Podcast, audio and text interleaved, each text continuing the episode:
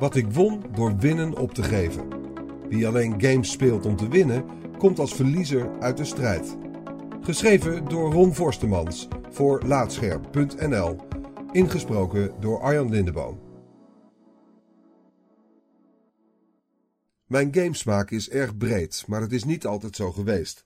Op een gegeven moment ben ik cold turkey gestopt met spelen tegen anderen. Daar heb ik meer mee gewonnen dan ik eerst deed. Spelen tegen andere mensen, online of op de bank, is leuk. Maar als vroege tiener sloeg ik er een beetje in door.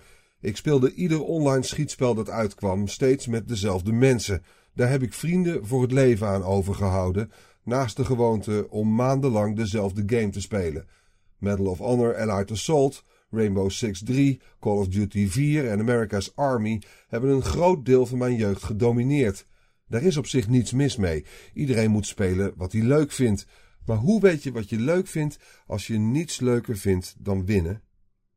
Als je alleen maar competitieve games speelt, waarbij je teert op dopamine, de rush van het overtreffen van anderen en je over iedere actie niet langer dan een milliseconde kunt nadenken, is het moeilijk de overstap te maken naar trage games zoals Zelda Breath of the Wild, The Witness of Near Automata. Competitiviteit in games is geen illusie of een fantasie waar je jezelf als speler aan overgeeft. In competitieve games is de drang om te winnen instinctief en echt. Spelen tegen anderen kan je tot waanzin of euforie drijven. In mijn ervaring nog meer dan een goed verhaal dat kan. Dat is een zeldzame kwaliteit van het medium videogames. Anders dan boeken of films stellen games je in staat om het aan de hand van je eigen input tegen anderen op te nemen. Binnen het entertainmentlandschap kampen games misschien wel juist daarom met een stigma rondom loze competitiedrang. Als ik in nieuwe kringen vertel dat ik gamejournalist ben, valt meer dan eens de opmerking dat ik dan wel heel erg goed moet zijn in games. In schrijnende gevallen wordt zo'n opmerking opgevolgd door grapjes over de voordelen van vingervlugheid. Mensen die niet gamen hebben in die zin veel gemeen met gamers die zich blind staren op het winnen van anderen. Ze lopen zoveel moois mis, terwijl genoeg geweldige games nauwelijks inspanning vereisen. Genoeg games omarmen vooral het beleven van grootse avonturen, het ontmoeten van geweldige personages of het ontdekken van spannende nieuwe werelden.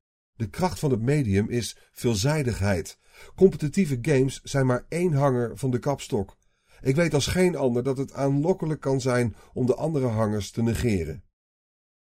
Het loont uit je comfortzone te stappen. Neem dat maar aan van iemand die in zijn veel jongere jaren een speciale bureaulade had voor alle kapotgegooide microfoons en controllers. Het is maar gewoon een spelletje, gaat niet op voor competitieve games. Maar competitieve games zijn vaak wel hele gewone spelletjes. Als ik terugdenk aan al mijn headshots, al mijn double kills en alle goals in FIFA, moet ik goed nadenken om iets concreets te noemen. Maar over de thematiek van Near Automata en de open wereld van Zelda Breath of the Wild kan ik uren praten. Als je een van die mensen bent die ook games speelt om te winnen, moet je misschien doen wat ik heb gedaan.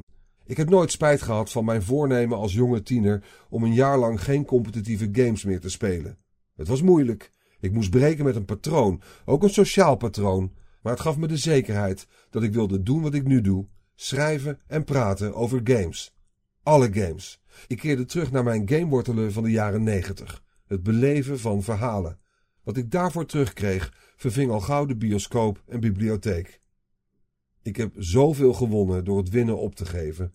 En gelukkig maar, want nu ik ouder word en mijn vingervlugheid merkbaar tanende is, wil ik niet aan verliezen hoeven te wennen.